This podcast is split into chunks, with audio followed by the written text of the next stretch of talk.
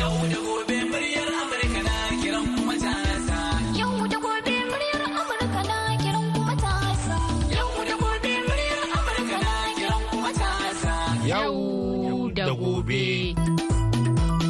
Daga murya Amurka a Washington DC.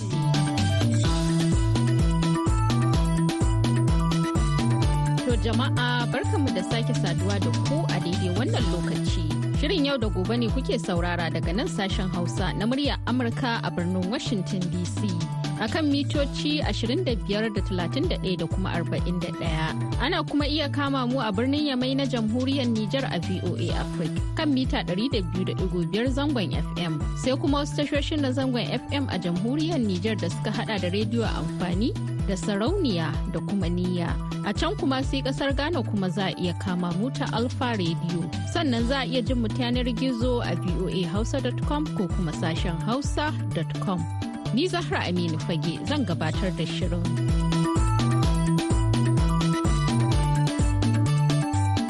A duk ranar Alhamis, shirin yau da gobe na magana ne akan batutuwan da suka shafi kiwon lafiya.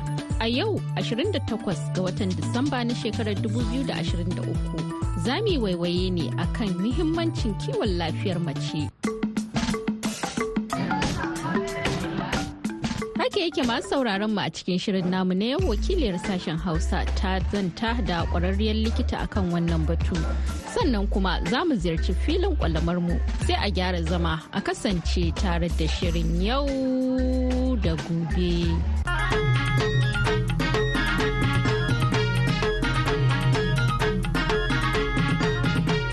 Sauraron mu ba tare da bata lokaci ba za mu je ga tattaunawar da wakiliyarmu binta ibrahim ta yi da kwararriyar likita wato dr lubabatu abdulrashid kwararriya akan kula da lafiyar mata da ke asibitin koyarwa na barau dukku a kaduna wadda za ta yi mana bayani akan muhimmancin kiwon lafiyar mata. Yan aji barkanmu da sake sadar da ku a cikin ajin namu na yau da gobe. Za mu tattauna abin da ya shafi ɓangaren kiwon lafiya ne.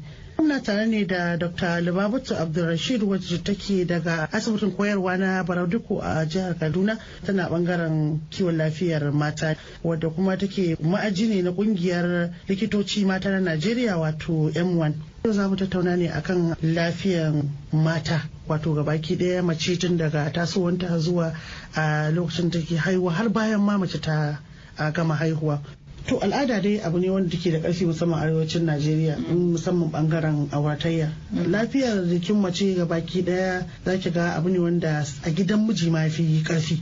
Saboda a nan ne za a ta samu ciki za ta yi renon cikin za ta haihu. Al'adu da yawa sun shafi idan ta haihu akwai abubuwa da ake na al'ada wanda yake shafar lafiyarta. Kamar wanne ne take da 'yancin da za ta ce ba za ta yi ba ko kuma a batta.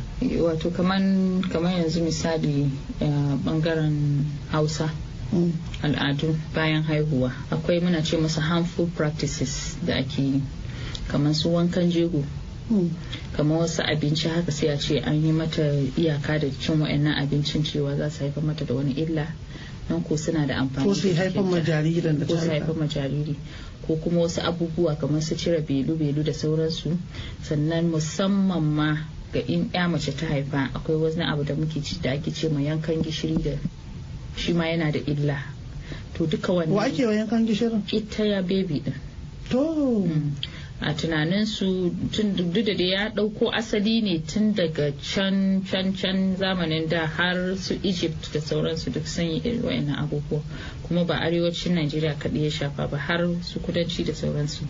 Za ka ga in mace aka haifa za mata yankan gishiri shi ma kala kamar kaciya kenan na mata? Kaman eto kaciyan ma yana cikin group din yankan gishiri akwai wasu abubuwa da suke yi ana sa ran wai idan aka yi hakan za ta kasance ba za ta dinga bin maza wato kamar za ta kame kanta.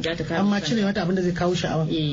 Sannan ko kuma in ta zo haihuwa suna tunanin ko zai iya sa komai ya zo da sauƙi to shi ma yana da illa kin ga nan gaba idan ta girma wani ma sai ta zo haihuwa sannan sai ta samu wayannan matsaloli. To duk wayannan ya kamata a ba mace 'yancin zaɓen abin da take so. Akan yadda da ita kanta ma. Su wankan jego haka tana da yancin ta ce ba za ta yadda da shi ba saboda yana kawo ma ya sa ma har zuciyarka ta filin heart failure. Ba dole ba ne dama mace sai ta yi wanka? A ba dole ba ne. Ba ma a san wankan jego. Saboda wankan jegon yakan kara ma yakan sa shi zuciya wato heart ya kara mai aiki. Sai ka ga ya ta aiki yana aiki yana aiki har ya zo ya kasa. To sai ka ga bayan kwanaki kaɗan wata kafin ma arba'in ta fara kumburewa. Yana haifar da ciwo sosai wani ma har a rasa ta.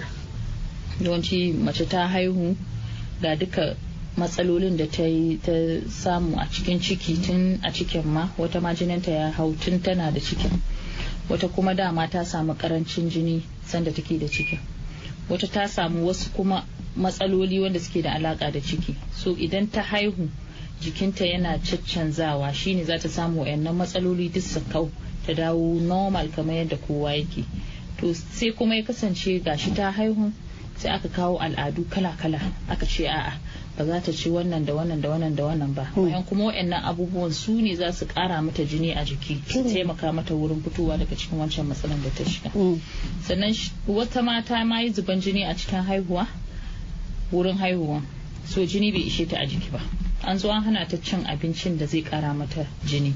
Sai kuma a samu matsalolin kuma su karu su zama complicated. To haka kuma idan aka zo wurin maganan wanka macen da ta haihu tana buƙatan iska mai kyau. Saboda wasu bangarori na jikinta su samu wannan enough oxygen din don ta koma yadda ya kamata yadda take da kafin ta samu ma ciki. To sai kasance za a ce za a rarrufe winduna gaba ɗaya a rufe ƙofa saboda ba a son ta samu sanyi da sauransu ko kuma saboda jariri. To wannan ma zai iya ja mata illa. Jiri ya riƙa ɗibanta ga rashin jini a jiki. Wani ma sai ka gama an samu suna suma haka da sauransu. Sai kuma a koma a garzaya asibiti.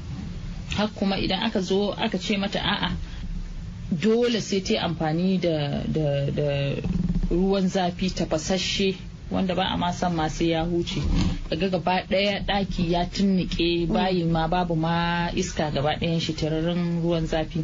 Wannan ko ga mai lafiya wanda ba haihuwa ya yi ba wanda komai na jikin shi yana nan intact wato ba wani matsala a ciki aka sa mishi irin wannan babu iska zai iya samun matsala. Ya kamata a kiyaye duka waɗannan abubuwa na al'adu. A tambayi masana abin da ba sani ba wurare da yawa kamar yanzu yan mutane da ke zaune kasan waje haka da sauransu ai ba su san wani wankan jego ba kuma lafiya lau suke. Kina nufin nan kadai ake wankan jego? Yawanci kamar nan kaɗai ne ake wankan jegon even though su ɗin ma suna amfani da ɗan ruwan zafi haka su ce za su ɗan sha ruwan ɗumi amma ba wai a ce ana wannan wankan ruwan zafin ba har da ganye ko kuma a ce da towel da sauransu. Wanka da ruwa daidai dai eh, misali ba laifi. Saboda a lokacin da mace ta haihu ya kamata tana tana wanka da ruwan ɗumi haka kaɗan daidai sannan kuma tana ɗan wanke gabanta da ruwan ɗumin ma saboda ko ina gaɓoɓin jikinta a buɗe suke a wannan lokacin. Yana da kyau hakan amma ba wai ruwan zafi da yawa ba. Ba irin wannan tafasashen da yake wannan ba ba. abin da ya kamata ta samu shine abinci mai kyau idan ta haihu. Abinci mai kyau. Wato tana da 'yancin ta ci abinci. shine ma abin da ya kamata a bata. Mm. wanda zai mai da dukkan wasu abubuwan da ta yi luze a lokacin ciki da kuma lokacin haihuwa. To kuma ya kamata idan mace ta haihu a samu wanda zai zauna da ita wanda zai kula da yaronta saboda yanzu a asibiti muna da cases da yawa wanda sun haihu sun samu kamar taɓin ƙwaƙwalwa Hmm. muna ce mishi puerperal psychosis haka akwai ma wasu bangarori na fannin uh, psychiatry wato tabuwan ƙwaƙwalwa da zai iya samun mace dama ko da ma lafiya lau komai lafiya ta haihu Mm. ana ce mishi puerperal blues shi ma to duk wannan lokacin mace tana buƙatar hutu tana buƙatar goyon baya na wurin mijinta da yan uwan miji gaba ɗaya ya zama ana tare da ita ana kula da ita ana kula da bebin Mm. ballanta na haihuwa na farko bata saba da haihuwa ba bata san meye wannan ba ta shiga wannan abu da muke cewa motherhood Mm. kenan bata san meye za ta yi ba ya kamata a bata goyon baya a taimaka mata wurin riƙe yaro wato sabon rayuwar zama sabon uwa rayuwa ne yau wato Mm. da da wurin shayarwa da sauransu Haka.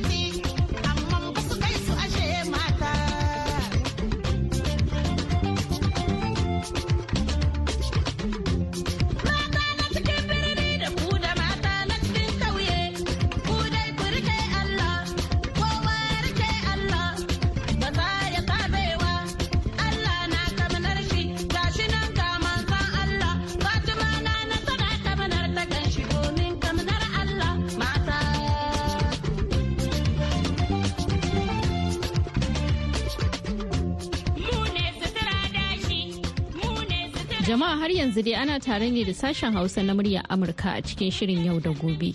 Da fatan dai kuna amfana da shirin ga ci gaban tattaunawar. likita mu koma baya ga maganan haihuwa kin ce mace tana da yanci ta zaɓi lokacin haihuwa da kuma yawan 'ya'yan da za ta haifa to ta wani ɓangare ta yaya za ta eh, wato kaddamar da haka ya wannan yancin yake a wurin ta. Ina ne daidai yancin nata maganan 'ya'yan da za ta haifa? Eh. Eh, kuma wani mataki za ta iya ɗauka? To kamar yadda muka yi magana cewa ya kamata ta ɗau matakin yi ma shi abokin zaman nata bayani cewa gashi gashi ga abin yadda muka fuskanci rayuwa ga abin da muke yi a mu manoma ne ko mu kaza ne ko kuma a muna makaranta da sauransu. Ya kamata mu ba kanmu lokaci kaza za mu fara hayayyafa. To haka kuma aka fara haihuwa ta nuna mashi cewa e mace tana da matsaloli da yawa da zai iya faruwa da ita idan ta diminci ta take haihuwa kurkusa kurkusa haka. Especially ta fannin jini din bata gan mai da jinin da ta zubar ba ta ƙara samun wani cikin. To wannan ya kamata tsakanin su ne masu ma'aurata din ko kuma wanda take tare da shi partner ɗinta su ma juna uzuri ta yi mashi bayani yadda zai gane sannan su san adadin su duba yadda rayuwa yake yanzu. Ba wai mun ce wai yawan yaran ba ne yake kawo talauci da sauransu. A'a yadda ma za ka tarbiyyatar da yaran da sauransu shi ma yana da wahala yanzu. So su zauna su yi magana tsakanin su ne wannan idan ta mai bayani da kyau. Sai dai inda ya bijire ya nuna cewa a'a shi fa bai yadda ba kuma abin yanzu zai taba lafiyanta to nan kuma za ta iya kai shi gaba. Kamar su organizations da muka ce ko kuma likitoci ma in ta zo za a iya mishi bayani yadda zai gane bayani na fahimta kamar idan ta kawo shi wurin ta kai maganan gaba idan bai ganan ba ya zo ya samu likitocin za a mishi bayanin duka illolin da zai iya samunta da shi kuma nashi shi kanshi idan tana da 'ya'ya da yawa misali ba za ta iya ta kula da mijin yadda ba tare da tazara ba Mm. Mm.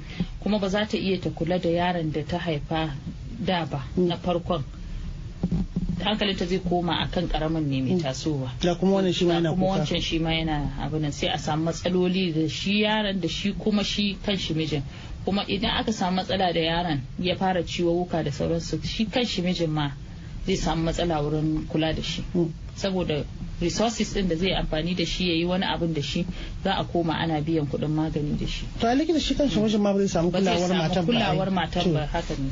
Saboda za ta bashi attention ba tun daga yara ƙanana ba za ta juya tana kula da wani da babba ba. Yau.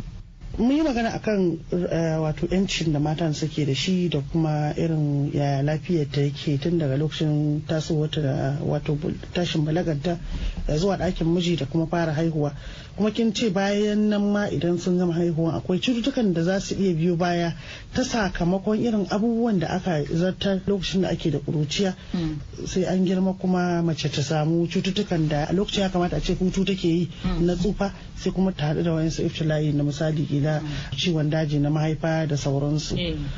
da me da me aka fi yi wa hawan kawara game da yancin da mace take da shi akan lafiyar jikin nata a nan arewaci eh to yawanci gaskiya a da can auren wuri shine muke fama da shi amma jama'a sun fara ganewa yanzu an dan rage Mm. to some extent.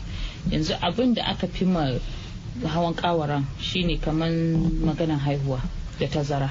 Yawancin mazajen zaka ga su za su kisi understanding ba za su yadda ba ko da wurin wani zai ce shi sam sam sam ba za a yi tsarin iyali To. a ko kuma shi sam sam ya riga ya san cewa idan an yi wannan tsarin iyali wani lokaci saboda wasu matsalolin da ke zuwa da shi Mm. wanda shi kuma akan nashi selfish interest din ba zai samu kusantar macen kusa kamar yadda zai idan ba ta yi ba Mm. kama a ce wanda zai kawo masu jini ya dan burkice na wasu lokaci haka to sai kaga ya bijire ya ce shi a'a shi ba za a yi ba kawai. Ko kuma akwai waɗanda zaka ga su dai suna son da yaya ne ko baki mai da lafiyanki ba zai ce dole dole sai an yi shi.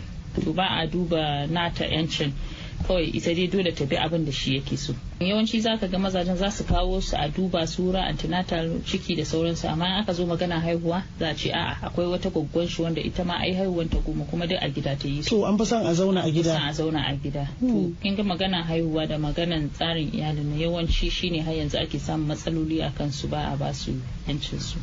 Wani abin kuma da yake shi ma a wurin haihuwan da ake samu shine idan aka kawo macen a wani mijin ya yadda e ya kawo ta an duba lafiyanta har aka kai lokacin haihuwa wato antenatal kuma ya kawo ta haihuwan.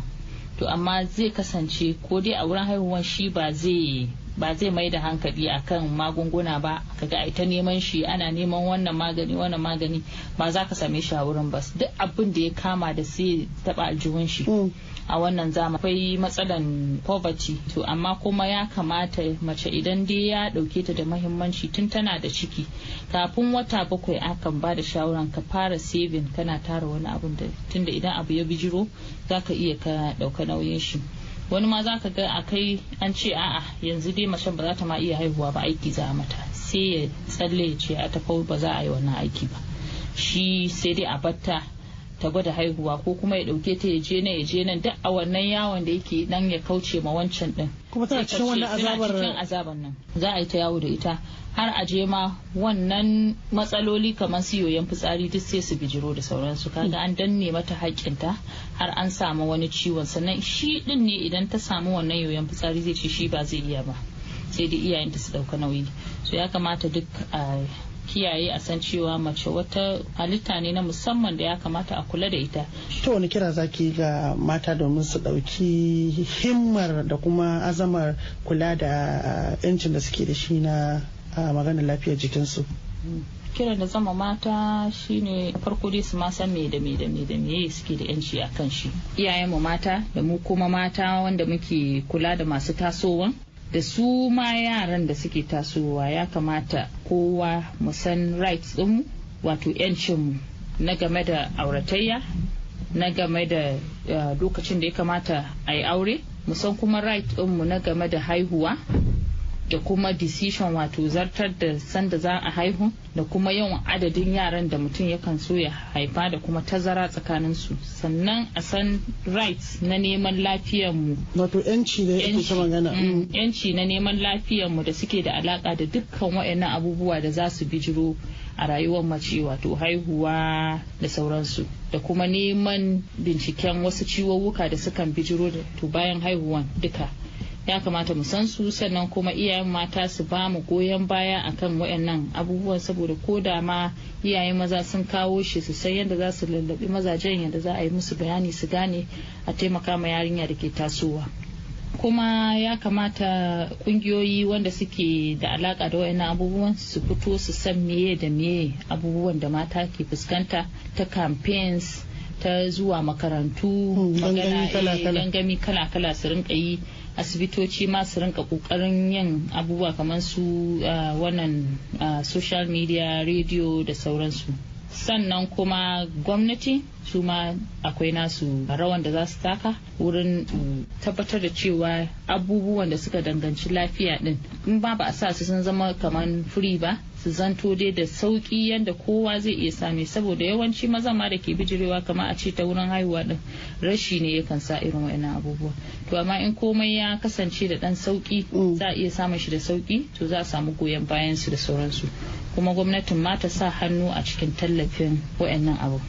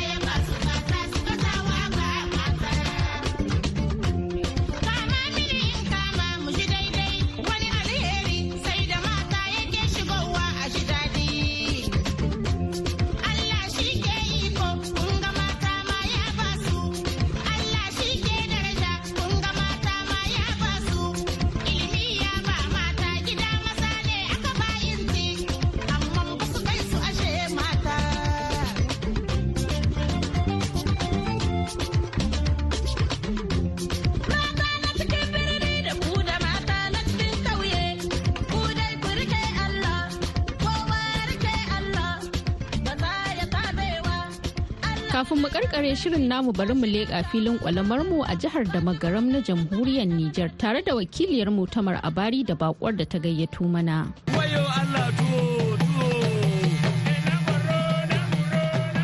Assalamu alaikum shirin yau da gobe. Sunana Saratu Hamza. Yanzu dai misali wadda ke so ta yi ƙananan sana'a na cikin gida. Kamar su kwakumeti, su loga, su wata aya mai sukari, guja mai sukari yanzu dai zumu hara da kwakumeti. Kan nemi kwakwaki mai kyau. Kike so kwakwaki kika wanke kika gyara. Ki nemi rafis in ki goga ta. Ki rafis ɗinta da kyau. ki nemi wurin inda ba ƙura ba tsakuwa ki shanya ta ta sha iska ki nemi sukarinki daidai yanayin yadda kwakwar take in na kilo ne in na kilo ɗaya da rabi ne ga daidai ki da rabi kwakwa nawa ake sawa? Kwakwa kina iya sa ɗa goma sha biyu ko sha uku kar kenan. Kar yan buhu. Kwata. Mm, eh. Sai ka sa sukari kilo da rabi. Ka sa aromatic ko na gari ko na madara. Eh wanda ka samu ko na ruwa ko na gari. Ka cakula shi a cikin kwakwai. Da filebo. eh ka yi kamshi ki dafa sukarin ki da huye da huye da huye ya jajjawur sai ki ka kwakwa ki zuba ki tuka ki tuka ki motsa shi da kyau. Sukarin sai yayi ja. he yayi ja. Ki motsa shi da kyau. In ya soyi yayi ja. In so sai ki sauye sai ki nemi abu makayi mai kyau ki sauye. Ki shiga ɗakin ki ki ciccibra kayan ki. Gwanin kyau. Kadago kadago kadago ki cika su. Tunda To kamar shi kwakumetin akwai wani da na gani kamar fari-fari ne haka ba irin wannan cibararren ba ne. Eh, wannan shi ma kalar shi daban ce. Ita yanka ta ne kwakwa aiki wancan? Manya-manya. i manya-manya ake yanka ta. In ta sha iska sai ki dafa sukarinki.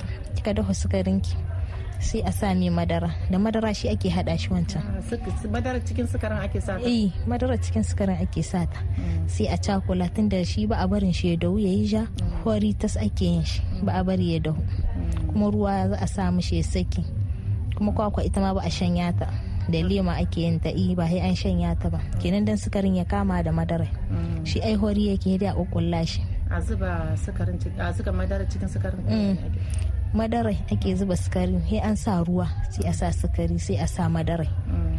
sai a cakula A zuba kwakwa. Mm, sai a zuba kwakwa in ya dan dahu kaɗan shi ba a dafa shi ya yi ja Mm. shi kenan dahuwa kamar dahuwa aya mai sukari ake mishi kenan da ruwa ake dafa shi Mm. aka gama ya hori tas ya a sauye shi bai yin ja Mm. Sai a kukkulla shi shi kwarla goma goma ake kulla shi. Mm. Mm. To malama Saratu muna so kuma ki mu kamar yadda ake gujiya mai sukari gyada mai sukari kenan. Shi ita gyada mai sukari ya ne ake yin ta. ta gujiya mai sukari ke samu gujiya ki mai kyau kika so kumatiya biyu kumatiya uku duk da yadda ya hali ya kama. Ban gimtsi numfashin ki ba. Ita gujiya akwai wata wanda take ba fasassa ba akwai wata kuma kwankwasassa ce. Duka tana yi koko akwai wadda musamman take yi. akwai musamman gujiya ta iri wadda ba a wasu kamar wadda Ah, ta aka bare ta yi ta yi kyan gujiya mai sukari. Don da ita ba kullum ba ake samun ta sai ka tare sai kamar lokacin kamar an tashi shibka ana huddo ta sarai. Amma in dai ba wani lokacin ba ne kenan da irin ta yin mai ma kana iya yin ta bin matsala. In ki samu guji kika gyara kika hece. Sai ki zuba ruwa a tukunya. Ki wanke guje sai ki zuba a cikin tukunya in ta dan jima ta da huta da huta dan da huta kama jikinta sai ki ka sukarin ki ko dan rabi. Bakin dai adadin kamar wanda za a zuba. Ko in tiya ɗaya eh sai ki zuba sukari kilo da rabi. Ta yi ta Tiya da ɗaya. huwa eh ta yi ta da huwa ta yi ta da huwa in ta da huta da huta kanta ta ringa ja sukarin yana kabri. Tana da huwa sukarin yana kabri ruwan yana tsotsiya. He ruwan ya kare na jikinta kuma sukarin ya dahu sai ya liƙe a jikinta. Kenan sai ta kama jikinta. Ana janye wuta ko ko kawai ana yi ana in kinga ta kusa shanye ruwan sai ka rage mata wuta. In ka rage wuta in ta yi ta kama jikinta kai da kanka in ka ta so ta yi kama jikinta sukarin ya shiga jikinta sai ka kwashe ta in ka kwashe ta kuma in ta yi sanyi ka kukkulla ta. A bar ba za ta. Mm, a tabarma ko a tirerika Mm. ya kukkulla ta ita ma. To yanzu kuma zan mu gabatar muku da yadda ake aya mai sukari. Ita aya mai sukari ita ma an je an auno aya ko tiya biyu ko tiya uku ke ka ke gyara aiki. Wani lokacin tana da kura har ki wanke ta ma in ta sha iska. Kina so ki na soyayya aya ko kwa jiƙaƙƙa in kina so kina iya soya ta ki aya mai sukari. In kwa kina so jiƙaƙƙa hailo ki jiƙa ta ta kwana. In ta kwana ta ƙara girma ta jiƙa sai ki zo ki dafa sukari ki zuba ta ki cakula da aromatic. In kika dafa sukarin ki ya dahu ya dahu ya dahu ai ki kote kin gyara ta. Kin hudda ta daga ruwa na jiƙaƙƙa aya ne za a yi yanzu. Kin hudda ta ta sha iska sai ki kawo nan aya ki zuba a tukunya ki ta motsa ki ta motsa sai ta yi hori tas in ta yi hori tas sai ki sauye ta ki maida ta kote. In ta huce ita ma sai ki kukkulla ta aya mai sukari. Jiƙaƙƙa kuma aya soyayya he kin soya ta. In kika gyara ta kika hudda tsakuwa kika gyara ta. In kika hudda tsakuwa kika gyara ayaki he ki soya ta in kika soya ta he ki hece ta ki aji kika hece ta kika aji kin dafa sukarin ki. Ki dafa sukarin ki kamar in tiya guda ce kin sa rabi da kar na sukari. He kika dafa shi in kika dafa shi ya dahu yayi ya biki sai kika guje ki ai ki zuba. Kina motsa kina motsa ita ma ta yi hori tas. He ki sauye ta in kika sauye ta kika baza ta halu ƙara haske take ya an sa madara. Kika ida ta yi sanyi i. in ta yi sanyi ƙarhe ki zo ki ukulla kayan ki za mu gabatar muku yanzu da yadda ake yin loga. Kika samu guje ki mai kyau ko tiya ɗaya ko tiya biyu ko tiya uku. Yadda dai halin kasuwa ya kama. Ki gyara guje ki tas ki sa a makayi mai kyau a niƙo miki. Haka niƙo miki ki nemi sukarin ki in babbar tukunya ce in ta kilo ziki zuba ki zuba kilo. Guje ki ringa yanko ta guje ki a nike imar kaɗaɗɗen guje a nike in ta kilo ziki kin san daidai yadda ziki kwalho ki sa a kuda koshiya. In ta rabin kilo ziki haka nan kuma in ta kilo biyu ce ha ilau haka nan ki nemi buhunki mai kyau ki wanki da wuka da kwalba wadda ziki kaɗa ta. In kika nemi wannan daman kin aishe kayanki a kote da wuka da bahu da kwalba. Kin zuba eh ko ka yanzu da buhu ake yi. Ki nemi buhunki mai kyau na aiki ki aje da wuka mai kyau. Ki nemi sukarin ki ki zuba shi a tukunya. Daga yanar ki sa a tukunya da huye ja. Yanar ki yi ruwa sai ki yanko wannan guje sai ki zuba. Markaɗan guje. Ki a kote ki yanko da koshiya ki zuba. Sai ki motsa ki motsa kina motsa kina motsa i da muciya. Ya gamu ya yi jawur daidai yadda kike buƙatar shi ya yi kyau. Sai ki kwalhe ta sai ki zuba ta a wannan buhun sai ki sa kwalba ki markaɗa shi ki markaɗa shi. Ki murza shi ya baje. a buhun. In ya baje daidai yadda ya isa kaɗa ya isa yanka. Ko ina ya liver gurin. Sai ki nemo kakki mai kyau ki yanyanka daidai yadda ziki huta.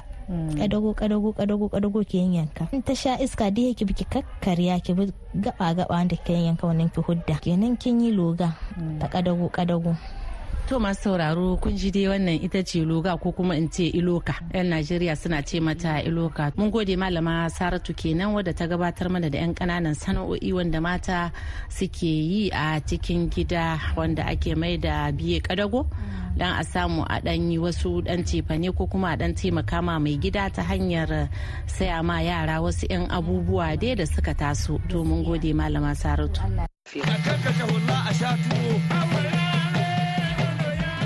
To masu sauraron mu a nan kuma muka ka ƙarshen shirin namu na yau a madadin wadda ta daidaita mana sauti wato Julie Leathers Gresham da dukkanin abokanan aiki da suka ba da gudunmawa a cikin wannan shirin. Ni Zahra Aminu Fage daga nan birnin Washington DC nake sallama da ku, ku huta lafiya.